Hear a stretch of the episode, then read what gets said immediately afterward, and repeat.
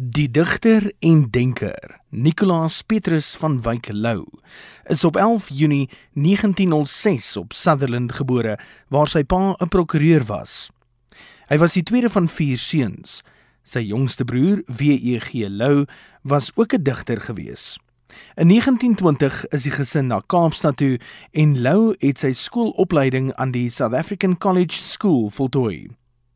Hy het aan die Universiteit van Kaapstad gestudeer waar hy van 1929 tot 1949 ook dosent in opvoedkunde was. Van 1950 tot 1958 was hy professor in Afrikaans aan die Gemeentelike Universiteit van Amsterdam en daarna hoof van die Departement van Afrikaans en Nederlands aan die Universiteit van die Witwatersrand. Op 18 Junie 1970 is hy in Johannesburg oorlede. Junie maand is ook NP van Wyk Lou maand.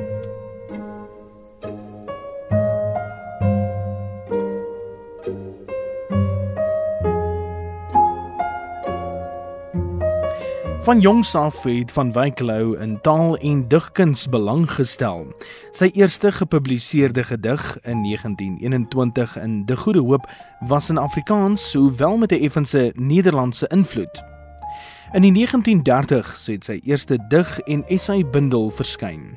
Na sy debuutbundel Alleenspraak in 1935 volg 'n aantal groot bundels. Die halwe kring in 37, Raka 1941, die bundel Gestaltes en diere 1942 en 'n hele handvol ander. 'n Groot deel van Lou se werk is nooit gepubliseer nie. Daaronder is tientalle radiopraatjies en die tydgebonde bydraes vir die jeugblad Die Jongspan se bladsy wat afgestaan is aan wêreld en Suid-Afrikaanse nuus. Lou se invloed op veral die Afrikaner intellektuele was groot as gevolg van die gehalte van sy werk. Sy gedagtes oor die oop gesprek, voortbestaan in geregtigheid en loyale verset het 'n beduidende rol in die politieke debat van die 1970s tot en met die 80s gespeel.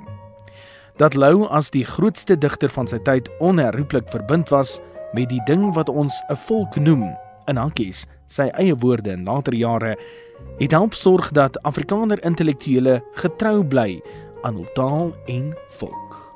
Margot Luit. Miskien is een van die grootste werke ooit in Afrikaans die verhalende gedig of epos Raka. Hierdie werk het geresoneer al op die balletverhoë in die konsertsale. Ons kulturele geskiedenis sou nie dieselfde gewees het sonder Raka nie. Van Wyk Lou het Raka gepubliseer in 1941. Chris van die Kerk het 'n deel van Raka voorgedra. Die vroue het hom die eerste gewaar. In die loom namiddag toe die arbeid klaar was, aan die stampblok in die jong groen landerye.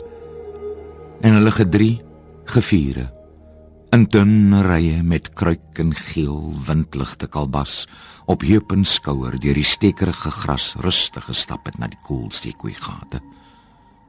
Om daar te drenkel tot die bruin en laat skemering en die eerste sterre met klam sand en sagte modder om die enkels in die hand om veel te lag en ure te praat. Of skugterig soms een een uit te waat deur die taai waterblomme naak en blink. Raka die aapmens hy wat nie kan dink wat swart en donker is van been en spier 'n lenige boog en enkeld dier. Oor kan die water het hy uitgestap uit die gebreekte riete. En soos 'n kind wat om die grap van 'n bontkalbassie tandeloos en stil lag, wit gegryns en neergehurk, gewag.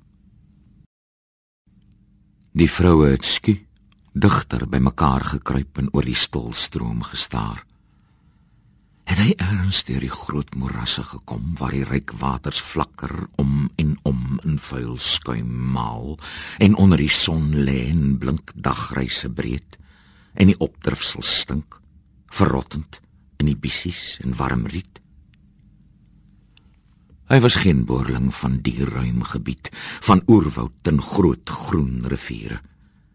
Maar nou het hy met 'n kabbeling in sy spiere opgereis en oor die grys sand 'n vreemde dans gevoer uit sy land, geil van begeerte, van wilde vlug en vang en paring en uitskree onder die dwang van drifte wat geen naam of doel meer ken.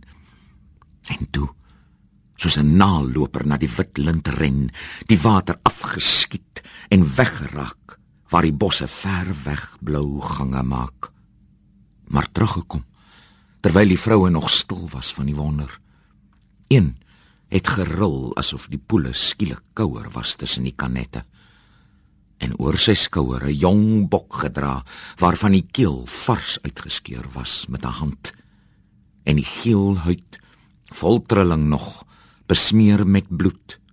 Die het hy skiwerig neer laat gly op die sand oor kan die water en vriendelik gelag met oog en tand en rooi tong soos van 'n hond.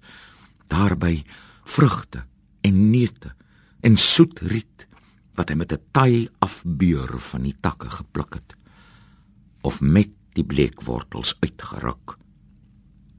Maar woorde het hy geen enkele gesê. Chris van die Kerk in 'n voorlesing van 'n deel van Raka. NP van Wyk Lou het in 1941 die epiese gedig gepubliseer. Dit is beslis een van die meesterwerke in Afrikaans wat meer as 7 dekades later steeds die verbeelding aangryp. Van Wyk Lou sou vandag verjaar het.